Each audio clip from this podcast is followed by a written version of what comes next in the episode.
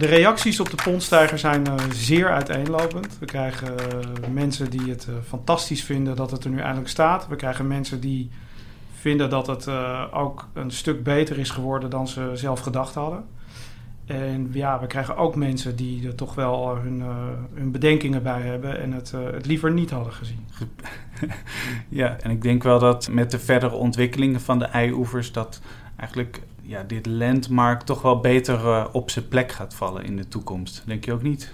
Dat weet ik wel zeker. Ja. Kijk, voor ons is het, is het gebouw echt bedoeld als onderdeel van de stad aan het ei die straks gaat komen.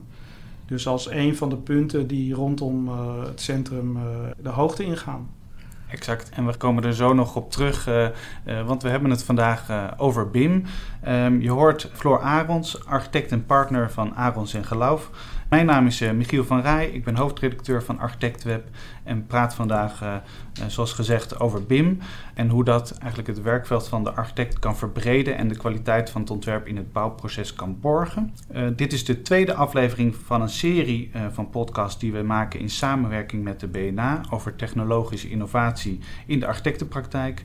In de loop van deze aflevering spreek ik kort met Alexander Pastoors, programmamanager technologische innovatie bij de BNA, over hoe hier vanuit de branchevereniging aan gewerkt wordt. Floor, jullie hebben vast ook wel eens ontwerpen gemaakt tot DO-niveau, uh, waarbij andere partijen uh, het ontwerp overnamen en verder uitwerkten. Hoe vond je dat? Nou, ik moet zeggen dat ik uh, echt ver terug moet gaan uh, dat dat gebeurd is. Veel mensen aan wie ik vertel dat wij dat gebouw gemaakt hebben, het staat op Eiburg, het is het winkelcentrum. Uh, of daar hebben we aan meegewerkt. Die uh, fronsen dan een beetje hun wenkbrauwen. En wij zelf zien het ook niet als een voorbeeld van een gebouw zoals wij het, het zelf het liefst maken. Dus dat was voor ons niet een, een hele succesvolle onderneming wat dat betreft. Het is een goed gebouw, maar het is niet een gebouw waaraan je ziet dat wij dat gemaakt hebben. Op wat voor details heb je het dan? Uh, zie je dat dan? Nou, je ziet het denk ik vooral in de, de doorwerking. Dus ik, ik ervaar vaak dat als je op DO-niveau bent, op het definitief ontwerp, dat je nog tijd nodig hebt om het te verrijken en, en verder aan te vullen en door te werken echt. En ja, je ziet aan dat soort gebouwen dat het ergens gestopt is. De centrale plek die BIM uh, momenteel in jullie bureau inneemt, heeft dat inderdaad niet altijd gehad. Uh, wanneer is dat eigenlijk vanuit jullie, vanuit strategisch oogpunt, toch echt veranderd? Nou, ik weet niet of daar een, een strategie achter zit. Uh, we waren in 2012 ongeveer, 2010, 2012, zijn we in een periode van drie, vier jaar zijn we teruggegaan van 35 mensen naar zes mensen ongeveer. En we hadden nog een scope van een paar maanden werkvoorraad. Nou, dat zal niet iedereen onbekend in de oren klinken. Nee. Uh, we keken in een diep ravijn, zou ik maar zeggen. En we stonden aan de rand. En we dachten, we moeten onze toekomst uh, zelf in handen nemen. En als een van de oplossingen zagen wij uh, dat bimmen. En wij zijn ons daar toen van ons laatste geld hebben we een paar licenties gekocht en zijn we ons gaan omscholen. En van daaruit ja, is het eigenlijk weer heel erg zijn we verder van het ravijn afgeraakt, zeg maar zeggen. Ja, de rest is uh, toch een soort van geschiedenis geworden. Ja, ja. Jullie hebben een rondgang gemaakt langs uh, collega-architecten uh, en bouwers om te horen hoe zij daarmee werkten. Wat kwamen jullie daarin tegen? Nou, het was heel grappig, want we, iedereen was heel enthousiast, maar men was niet zo enthousiast over elkaar. Dus de bouwers die, die vonden zelf dat zij dat heel goed beheersten.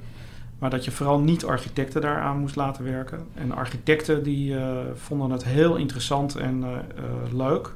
Maar er zagen de samenwerking met bouwers daarin juist als een hele lastige. Nou ja, toen we dat tegenkwamen hadden we het idee van misschien moeten we toch eens eerst met die bouwers gaan praten. En bevragen over wat ze nou eigenlijk nodig hebben. Wat ze nou willen halen uit die modellen. En daar, zijn, daar is eigenlijk onze werkmethode uit voortgekomen. Dus we hebben een soort reversed engineering gedaan op ons proces. En zijn vanuit de vraag terug gaan redeneren wat wij zouden kunnen maken in onze modellen. Je hebt dan ook een eerste case nodig om dat uh, in de praktijk uh, te brengen. Hoe, hoe ging dat? Nou, we hadden natuurlijk wel een beetje koudwatervrees. Dus we zijn eerst twee projecten met uh, parallele processen begonnen. Dus zowel traditioneel uitwerken als in BIM. En dat was maar goed ook, want we kwamen echt wel tegen dat we het nog niet zo uh, goed beheersten dat we dat in één keer uh, zouden kunnen doen. En uh, na die twee testcases zijn we eigenlijk voor het eerst één project echt helemaal op die manier gaan uitwerken. En dat was een, ja, dat was een project met ERA Contour. Dat deden we toen in een, een ketensamenwerkingsproject. en dat was heel fijn, omdat zij ons heel goed aan konden geven wat zij nou eigenlijk wilden met die, uh, met die modellen. Zodat wij ook wisten wat we erin moesten stoppen. En dat heeft eigenlijk bij ons heel veel uh, uh, kennis opgebouwd over hoe je zo'n model moet opbouwen. Ja, en niet al te lang daarna kwam dan de pondstijger. Jullie belangrijkste case, denk ik, op dit moment. Um, aan het begin van de crisis was dat project gestrand. vervolgens werd het door de gemeente Amsterdam opnieuw getenderd en zaten jullie gelukkig bij het winnende consortium en mochten jullie daarmee verder. Um, toen kregen jullie eigenlijk in hele korte tijd uh, de opdracht om het opnieuw te tekenen. Ja, dat klopt. Op de dag dat we de, de champagne ontkurkt hadden, uh, hadden we nog niet uh, de champagne weggeklokt of ons werd duidelijk gemaakt dat we vier maanden de tijd hadden om het hele gebouw van schetsontwerp uit te gaan werken richting een bouwaanvraag. Dat is wel ongelooflijk weinig tijd. Dat was een hele hete zomer, dat kan ik je wel vertellen. Ja. ja. Met een man of twaalf uh, heel hard door zitten werken, geen vakantie genomen. Maar het is gelukt. En, en de reden waarom dat uh, moest, was dat uh, Schiphol kampte met het nieuwe luchtindelingsbesluit, het LIB. En wat er dreigde was dat het gebouw maar 70 meter hoog zou mogen worden. Dus we hebben samen met de gemeente en de bouwers hebben we in vier maanden tijd uh, een, een, bouwaanvraag uh, gemaakt, waarvan we ook wisten dat die vergund zou worden. Ja. Uh, dus ja, onder, onder druk wordt alles vloeibaar. Dus we konden heel snel allerlei beslissingen nemen. Dus dat was eigenlijk wel heel prettig, die gemeenschappelijke vijand die we hadden. Ja, want, ja. want hoe, hoe, zorg je dan dat, dat iedereen op de juiste manier samenwerkt aan zo'n project? Ja, we zijn eigenlijk heel erg vanuit de problemen die we zagen uh, gaan redeneren. En daar met volle aandacht aan gaan werken. Voordat we. Want je kan wel als een, gek gaan modelleren of tekenen. Maar eigenlijk dachten we, moeten eerst alle beren en kuilen die we zien, die moeten we benoemen en uh, agenderen. En wekelijks met en gemeente en de bouwers uitwerken. Voordat we het helemaal in een model kunnen gieten. Ja. Uh, en dat heeft gewerkt.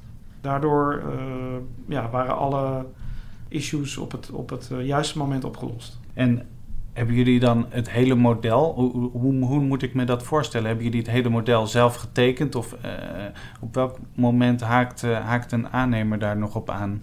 Nou, in principe is het zo dat wij altijd met de constructeur samen opwerken. Dus de constructeur maakt het constructieve model en wij maken alles eromheen wat bouwkundig is. En vervolgens uh, gaat meestal net daar achteraan de, de installatieadviseur uh, zijn model maken. En we werken ook fysiek samen in één model. Dus we, op een server staat een model en daar is iedereen op ingelogd. Dus je ziet ook de constructeur langzaam zijn model uh, opbouwen en, en de, de, installaties erin komen.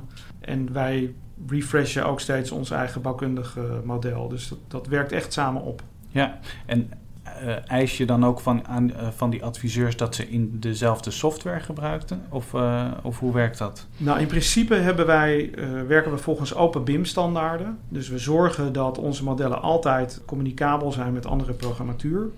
Maar je ziet eigenlijk in de adviseurswereld dat bijna alle constructeurs werken in Revit. En dat geldt eigenlijk ook voor alle installatieadviseurs. Een ander ding is dat onderaannemers wel vaak met andere programmatuur werken. Dus een staalbouwer uh, werkt met Tekla of uh, uh, een ander product. Dus wij moeten zorgen, met name richting de bouw, dat het heel goed als open BIM opgebouwd is. En is daar in de, in de loop van de tijd, gaat, dat, gaat die samenwerking dan ook via zo'n open BIM, gaat dat ondertussen beter qua clashes en alles? Of, is dat, of, of blijft dat een uitdaging? Nee, je ziet dat, dat, dat partijen steeds meer gewend raken om daarin te werken. En wat, ja, vroeger hadden we natuurlijk grote uh, tafels met felle papier waarop we controles deden uh, of, of zaken op elkaar pasten. Tegenwoordig hangen we gewoon elkaars modellen in elkaar om te zien waar verschillen zitten. Dus ook het controleren van productietekeningen gaat tegenwoordig op die manier. Dus ja, we beginnen daar steeds meer aan gewend te raken. En ook de, alle partijen die daarin werken, raken daaraan gewend. ik kan me voorstellen dat je inderdaad dan de tussentijdse vergaderingen gaan dan voor een belangrijk deel hierover. Van welke clashes hebben we nou samen uh, gezien? Ja, en wat we ook geleerd hebben is dat niet iedere clash een clash is. Uh, soms uh, krijg je clashrapporten en dan is er een enorme paniek. Dan roept iemand er zijn 30.000 clashes. En dat blijkt dan overal hetzelfde plintje te zijn wat ergens doorheen schiet. Of, dus je hebt clashes en clashes, zou ik maar zeggen. Ja. en als je het dan hebt over hè, een ontwerpproces begint hè, traditioneel of in ieder geval in theorie met, met schetsen en eindigt dan met een volledig uitgewerkt BIM-model. In, in welke, op welk moment beginnen jullie met BIMmen? Ja, we doen dat nu steeds vroeger. We, we ontdekten toen we begonnen met BIMmen dat we halverwege een definitief ontwerp uh, modellen gingen opzetten. En dat dan eigenlijk een, uh, zoals wij dat noemen, een black box periode optreedt. Waarin eigenlijk niemand ziet wat je aan het doen bent, omdat je het aan het bouwen bent. En iedereen met vragen zit. Um, en dat zorgt bij heel veel partijen voor onrust, want ze kunnen eigenlijk niet monitoren wat wij aan het doen zijn. En wat wij de laatste twee, drie jaar hebben ontwikkeld, is dat we eigenlijk in de uh, schets en in de voorlopige ontwerpfase ook onze schetsmodellen volgens een BIM-achtige structuur opzetten. Dat doen we niet in Revit, dat doen we in SketchUp, maar het is wel allemaal uitwisselbaar in IFC en er is ook heel veel data uit te halen. Dus we zijn op dit moment heel veel juist met ontwikkelaars, partijen aan de voorkant in gesprek. Hoe kunnen wij informatie genereren die kwantificeerbaar is en, en verifieerbaar vanuit SketchUp-modellen. Interessant van hoe dat inderdaad uh, zich ontwikkelt. En wat ik me dan ook nog wel voor kan stellen is dat het altijd lastig is om niet over te ontwerpen. Hè? Um, op een gegeven moment. Uh, nou, dat je te veel detail uh, er te snel in zet. Is, ja. dat, is, dat een, is dat een gevaar? dat is wel een gevaar. En wat, het is hele precieze programmatuur. Dus wat wij geleerd hebben eigenlijk is dat je eerst een hele ronde schetsdetails maakt over een gebouw. Zodat je precies weet hoe alle bouwelementen in elkaar zitten. En pas dan het gaat modelleren. Want als je dat te vroeg doet, ja, dan krijg je dus eigenlijk een, een enorme vergaarbak van vragen in plaats van oplossingen. Dus wij stoppen heel veel denkwerk in het proces en gaan daarna pas uh, het uitmodelleren. Precies, en dan een een vraag die denk ik bij onze luisteraars zo op de, op de lippen brandt, is dan van hoe overtuig je opdrachtgevers en bouwers dat juist jullie als, als architectenbureau uh, zo'n grote rol hebben in het BIMmen? Ja, nou dat is een hele moeilijke en, en uh, niet op, iedere opdrachtgever uh, wil daarin aanvankelijk ook in meegaan. Het is natuurlijk wel zo dat nu wij een aantal gebouwen zo gemaakt hebben en mensen bij je komen van hé, hey, dat, dat vinden we mooi, dat willen we ook. Dat je dan ook tegen mensen kunt zeggen, ja, maar dat gaat dan wel op deze manier. Dus dat, dat biedt een voordeel. En het tweede aspect daaraan is dat je ook soms moet zeggen, nou weet je wat, we gaan gewoon beginnen. En we gaan je in de loop van het proces overtuigen dat dat. Uh, en tot nu toe werkt dat eigenlijk altijd heel goed. Uh, we laten allerlei mensen toe in onze modellen om te kijken hoe we dat doen. Uh, dus als ze argwaan hebben, kunnen ze gewoon gerustgesteld worden. Dat we dat prima doen zoals zij dat willen. En dan meestal zie je dat we in de loop van het proces toch ook die hele uitwerking mogen doen. Ja, en dan is het natuurlijk een vaak gehoord bezwaar van ja, maar een architectenbureau als die dat doet is, is veel duurder. waarom is dat niet zo? Ja, ik denk dat het verstandiger is om iemand die het bedacht heeft ook het uit te laten werken. Want dan zit er gewoon weinig verlies in, in het proces. Exact. Dus ik denk als iemand het opnieuw helemaal moet gaan opbouwen, dan zit daar wel verlies in. Ja. En als je nou bij de gerealiseerde projecten komt die jullie dan gebimd hebben, uh, aan wat voor details zou je dan kunnen zien dat jullie uh, het zover in 3D uitgewerkt hebben? Ja, dat is natuurlijk heel moeilijk aan te geven. Maar ik, wat, ik, we hebben verschillende projecten waar je ziet dat een bouwer goed gebruik heeft gemaakt van het model en waar je ziet dat een bouwer dat niet heeft gedaan. Waar wij het meeste last van hebben is processen waarbij na het maken van het model een aannemer nog de markt gaat afstruinen op zoek naar goedkopere alternatieven. Ja. En dan ontstaat er een heel uh, moeilijk traject, want dan passen dingen vaak niet of moeten toch nog weer net anders. En dat zie je dan soms wel aan een gebouw terug. Dus je, laten we zeggen, met name aan de gebouwen waar het heel goed is gegaan, zie je eigenlijk geen bouwfouten. En de processen waar mensen denken toch nog weer iets goedkopers of iets anders te moeten doen, daar kan je het vaak wel aan afzien. Ja, nee, het wordt toch. Ik hoop dat er toch ook wat bouwers luisteren dan naar deze podcast. Want juist in dat soort uh, gewiebel aan het eind zit zoveel uh, verlies en uh, verlies in tijd, maar energie. En... Er zijn wel hele grote cultuurverschillen bij bouwers. Er zijn bouwers die zeggen, nee, wij gaan op de bouw gaan we nog eens kijken of we de markt kunnen, kunnen bespelen. En er zijn ook bouwers die zeggen, nee, we gaan het heel goed voorbereiden, zodat we met een kleine club mensen dit kunnen maken. En dan gaan we helemaal niet meer uh, de markt nog eens afstruinen op nee. uh, koopjes. Of, en ik, ik, ja, ik denk dat dat, dat laatste past veel beter bij BIM-processen. Ja, en ook wel denk uiteindelijk bij deze tijd hoor. Maar uh, we zullen zien. Ja, ja ik vind zelf. We hebben bijvoorbeeld net op Zeeburger Eiland drie gebouwen opgeleverd. En daar, dat was een superleuke samenwerking met HSB-bouw. En die hebben echt uh, gewoon alle onderaannemers al voordat we starten met de bouw ingekocht. En dat we al heel netjes in de modellen kunnen maken. En dat zie je ook wel aan de gebouwen af, vind ik. Ja, en ik kan me ook voorstellen dat dat hele proces gewoon sneller eh, verloopt dan in zijn staart. Zeker. Een stuk minder uh, gedoe en uh, boze, boze reacties over en weer. Ja, en uiteindelijk minder gedoe van de bewoners waarschijnlijk. Ook dat. Ja. Je hebt me eerder wel eens verteld dat uh, een nieuwe ontwikkeling wat betreft BIM uh, is om, het, om scripts daarvoor te ontwikkelen. Waar moet ik dan aan denken? Wat wij uh, merkten is dat als je van het ene programma naar het andere programma switcht, dat er verlies van kennis optreedt. Dus aan de achterkant kwam er dan toch een ander project uit of een andere gevel dan we in eerste instantie bedacht hadden in de schetsfase of in de voorlopige ontwerpfase. En wat wij nu gedaan hebben, is dat we gezorgd hebben dat uh, vanuit de SketchUp werkmethode die we hebben, dat er dingen om te zetten zijn naar Revit. Dus de, we zijn heel erg dat aan het automatiseren. Dat werkt in de tijd sneller. Maar dat zorgt er ook voor dat er een betere één op één vertaling is van het ontwerp richting de uitvoering. Ja, dat klinkt ook een beetje alsof je dan als architect een beetje programmeur wordt. Ja, ja dat klopt. En we zijn dat ook aan het kijken of we dat voor ontwerpprocessen kunnen doen. Dus bijvoorbeeld als we een kavel krijgen, wat is de beste parkeeroplossing?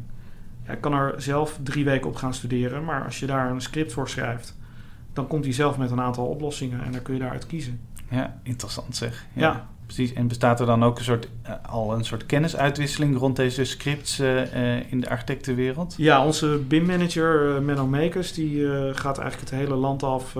die geeft ook workshops hierover, maar die heeft ook een, een groot netwerk inmiddels met allerlei mensen die op bureaus met dit soort dingen bezig zijn. En ze organiseren zelfs hackathons in het weekend om bepaalde problemen met elkaar op te lossen.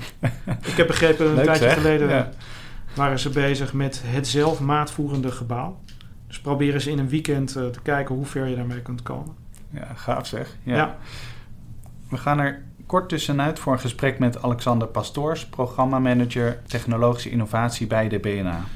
Alexander, vanuit de BNA maken jullie je zorgen dat sommige architectenbureaus op het vlak van technologische innovatie achterblijven. Waar komt die zorg vandaan? Die zorg komt er vandaan omdat wij zien dat de, opdrachtgevers gewoon steeds veel eisender worden. En je ziet dat bijvoorbeeld het vragen naar een BIM, dat dat eigenlijk min of meer standaard wordt. Afgezien van het feit dat niet altijd even alle opdrachtgevers weten wat ze precies vragen. Maar het verwachtingspatroon van het niveau van, van informatie en kwaliteit wat je aanlevert, gaat generiek gewoon omhoog. En dat betekent dat je daar ook aan moet voldoen. Want je kan moeilijk tegen een opdrachtgever zeggen van... U vraagt dit, nou, u vraagt een BMW, wij leveren een Lada. Lada is ook goed genoeg. En dus je moet toch aan die vraag van de opdrachtgever voldoen. En wat ik zie is dat bij de grotere bureaus er voldoende ruimte is om te investeren in nieuwe technologie, zoals BIM, uh, virtual reality, parametrisch ontwerpen. Hoe zit het bij de kleinere bureaus? Dat is absoluut een zorgpunt, omdat een deel van de software uh, voor kleine bureaus moeilijk te betalen is. Het zijn, um, als we kijken naar bijvoorbeeld uh, BIM-software, dan zijn dat nogal wat bedragen die je per werkplek moet, uh, moet neertellen. en dat betekent dat je dus je processen zo geoptimaliseerd moet hebben dat je die investering er ook uithaalt. Dus dan moet je een bepaald soort omzet voor draaien om die investering eruit te halen. En dat is voor kleine bureaus moeilijker dan voor grote bureaus. En dat is niet 1, 2, 3 uh, weg te nemen, want dat is gewoon de macht van de, van de grote techbedrijven die uh, bepalen uiteindelijk wat dit soort tools aan het verbeteren van de productiviteit kunnen bijdragen. En dat betekent dat je een bepaalde schaalgrootte nodig hebt. En dat is, uh, dat is lastig. En welke adviezen zou je uh, dan willen geven aan kleinere bureaus op dit vlak?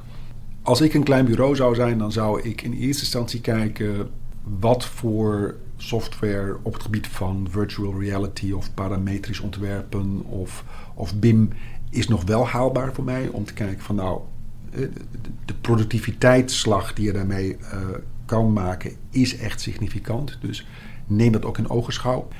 En ten tweede zou ik willen adviseren van dat uh, kijk of je kan samensluiten met kleinere andere bureaus om bijvoorbeeld in gezamenlijkheid wel die kennis in huis te halen. En dat is in de, dat je dus gewoon zegt van nou dat je een soort coöperatieachtige modellen misschien moet nadenken, waarbinnen je wel toegang hebt tot dit soort middelen uh, om die voor bepaald project uh, in te zetten. Ja, want ik kan me ook voorstellen dat uh, ook die tools zelf worden complexer. En het is natuurlijk moeilijk om specialist te zijn in al die disciplines. Hè? In, en in BIM en in parametrisch ontwerpen en virtual reality. dus in die zin zou je dat misschien ook wat willen verspreiden over inderdaad met vrienden, met relaties. Dat je samenwerkt op dat vlak. Ik denk dat je als klein bureau moet navragen van waar zit mijn sterkte echt. En het zou dus ook kunnen zijn van dat je gaat nadenken over van nou ja, wat, wat voor deel van de markt wil ik uiteindelijk bestrijken. En ik denk wat voor beslissing je ook neemt als bureau, is dat je die beslissing in ieder geval bewust moet, uh, moet nemen. En kijk binnen je netwerk van bureaus of je allianties kan sluiten. En soms zijn dat misschien ook allianties die misschien niet direct op je eigen radar meteen opblippen, maar in aanpalende sectoren in de bouwketen, waar je goede technologische partners zou kunnen vinden die samen met jou uh, wel die opgave aan kunnen.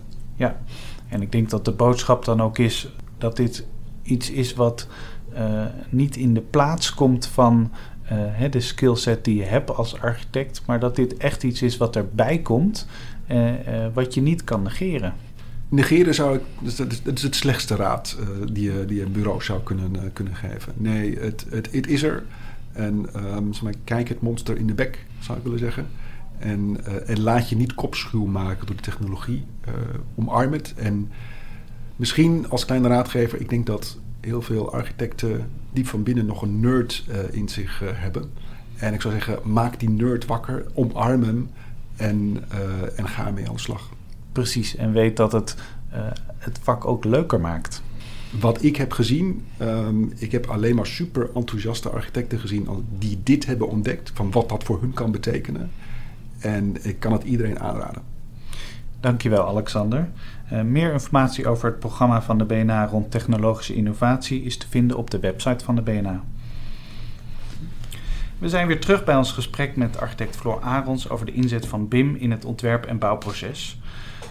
Floor, je hoort al wel langer ook signalen vanuit de branche dat de betrokkenheid van architecten in het ontwerpproces eigenlijk vaak verkleind wordt naar een DO of een DO+, dat het daarna eindigt, of zelfs uh, al eindigt na een VO+.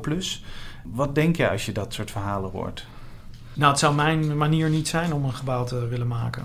Dus ik, uh, kijk, ik heb best wel bewondering voor bureaus die zeggen wij doen dat niet en wij focussen ons heel erg op ontwerp en uh, we zorgen dat we wel voldoende vinger aan de pols houden om dat te blijven volgen. Maar ja, wij, ons bureau werkt niet zo. Wij zijn iets meer van slow cooking en ja, rustig doorontwerpen en rustig doordenken over gebouwen. Nee, zo zijn er inderdaad ook ontstaan er verschillende bloedgroepen hè, eigenlijk binnen de branche. Zeker, steeds meer, ja. ja. ja. Um, doordat je een gebouw in 3D tekent, uh, is het ook makkelijker om er renderingen van te maken en deze in virtual reality te bekijken. Uh, klopt dat? Ja, maar dat wij, wij merken dat dat vooral aan de beginfase zit. Dus meer in, in SketchUp fase, uh, dat we daar al uh, in rond kunnen lopen of ervaren hoe het is. En in die meer technische fase, ja, dan hebben we dat meestal toch al uitgezocht. Dus dan is er ook niet zoveel meer de behoefte om dat te doen. Is veel meer voor verkooprenders of ja. brochures, dat soort zaken. En doen jullie wel eens uh, clash meetings, uh, als ik dat zo mag noemen, met VR-brillen op? Of is dat... Ja, we zijn nu, denk ik, een half jaar geleden daarmee begonnen. En we merken vooral voor, voor stedenbouwkundige opgaven is het wel heel prettig om te kunnen zien wat op maaiveld nou iets doet. Ja. Dus ja, is iets nou heel dicht op elkaar gebouwd of zit er toch nog ruimte? Of... En we merkten, we, hebben, we doen een, een uh, groot project in uh, Amsterdam-West. En we hebben laatst een gemeente uitgenodigd bij ons op bureau. Uh, die hadden namelijk best wel vraagtekens bij het project. Maar toen we ze er doorheen konden leiden met VR-brillen, ja, viel bij hun ook de schellen van hun ogen, zou ik maar zeggen. Oké, ja, precies. Het kan natuurlijk ook andersom wel eens werken, dat je in één keer ziet dat, het, dat er nog wat extra aandacht nodig is voor een plint. Um, maar het kan natuurlijk ook, als, je, als het goed ontworpen is, het, maakt het ook veel helder. Ja. Nou, en de, de, grap is dat je eigenlijk dan dat waarvan je denkt dat het wel al goed is, dat dan blijkt dat het nog niet goed is. Terwijl de, de dingen waar je twijfelachtig over bent misschien al best prima zijn. Ja, precies. Ja. Daarvoor verwijs ik ook naar de vorige podcast uh, hè, over VR, uh, van hoe dat dan werkt. In ieder geval ook een technologie die de branche wel echt aan het veranderen is, hè, hoe, we, hoe we ontwerpen. Ja, ja absoluut. Um, bespaart BIM uiteindelijk uh, jullie tijd in het ontwerpproces? Um, ik denk dat als je, als je een, een lineair proces doorloopt, dat BIM sneller is dan uh, traditioneel in AutoCAD. Dat hebben we natuurlijk ook gezien vanaf de tekentafel naar AutoCAD. En dat, dat zie je nu eigenlijk ook weer. Als er veranderingen plaats moeten vinden, is het een heel ander verhaal. Want dan is het eigenlijk veel intensiever dan in 2D uh, tekenen. Dus wij, wij, wij zien nog niet dat het, uh, laten we zeggen, in de bezetting al enorme voordelen oplevert. Nee, want dat is wel de vraag die het bij mij oproept: van kun je uiteindelijk via dit soort technologie dan met minder mensen uh, grotere projecten doen? Ik denk uiteindelijk wel, maar de, het is natuurlijk ook nog wel heel erg in de beginfase. En wat wij ook zien is dat de, de administratieve last van projecten enorm toeneemt op dit moment. Dus uh, rainproof, uh, natuurinclusief, circulair. Uh, dus laten we zeggen, alle issues die nu, bang straks, die nu naar boven komen, die zorgen aan de andere kant van het bord dat er weer een extra belasting uh, op komt. Dus...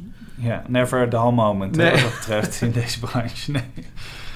Dan heb je ook nog de markt voor bimmers. Die is al jaren um, heel krap. Dus ze zijn veel gevraagd, worden weggekocht af en toe bij bureaus. Wat is, wat is jullie strategie op dat punt? Wat wij gemerkt hebben is dat het vinden van uh, bimmers uh, op de markt, dat dat heel moeilijk is. En tot nu toe, de meeste mensen die bij ons werken, hebben we zelf opgeleid. Dus, uh, en wij vinden ook dat ja, mensen niet de hele dag dat moeten zitten te doen. Dus we zorgen dat mensen die details bedenken, dat die het dan ook zelf in BIM gaan zetten. In plaats van dat er een modelleur is die een constante werkproces moet gaan invullen met alleen maar modellen maken. Dat, uh, dat, dat is ook niet goed voor je, denk ik. Nee, nou, het is een interessante, interessante visie erop. Ik denk dat dat heel belangrijk is. Ja. ja. Heb je tot slot nog tips voor architecten die uh, hiermee willen starten of hier uh, meer vaart in willen maken in dat BIM? Nou, ga vooral met andere mensen praten die daar al mee bezig zijn. Want uh, iedereen, het is best wel open. Mensen zijn er best wel open over. Je kan heel veel informatie bij elkaar ophalen. En dan weet je een stuk meer dan als je dat allemaal zelf gaat uitzitten vinden. Lijkt me een heel waardevol advies. Uh, Dank je wel, Floor, voor dit gesprek.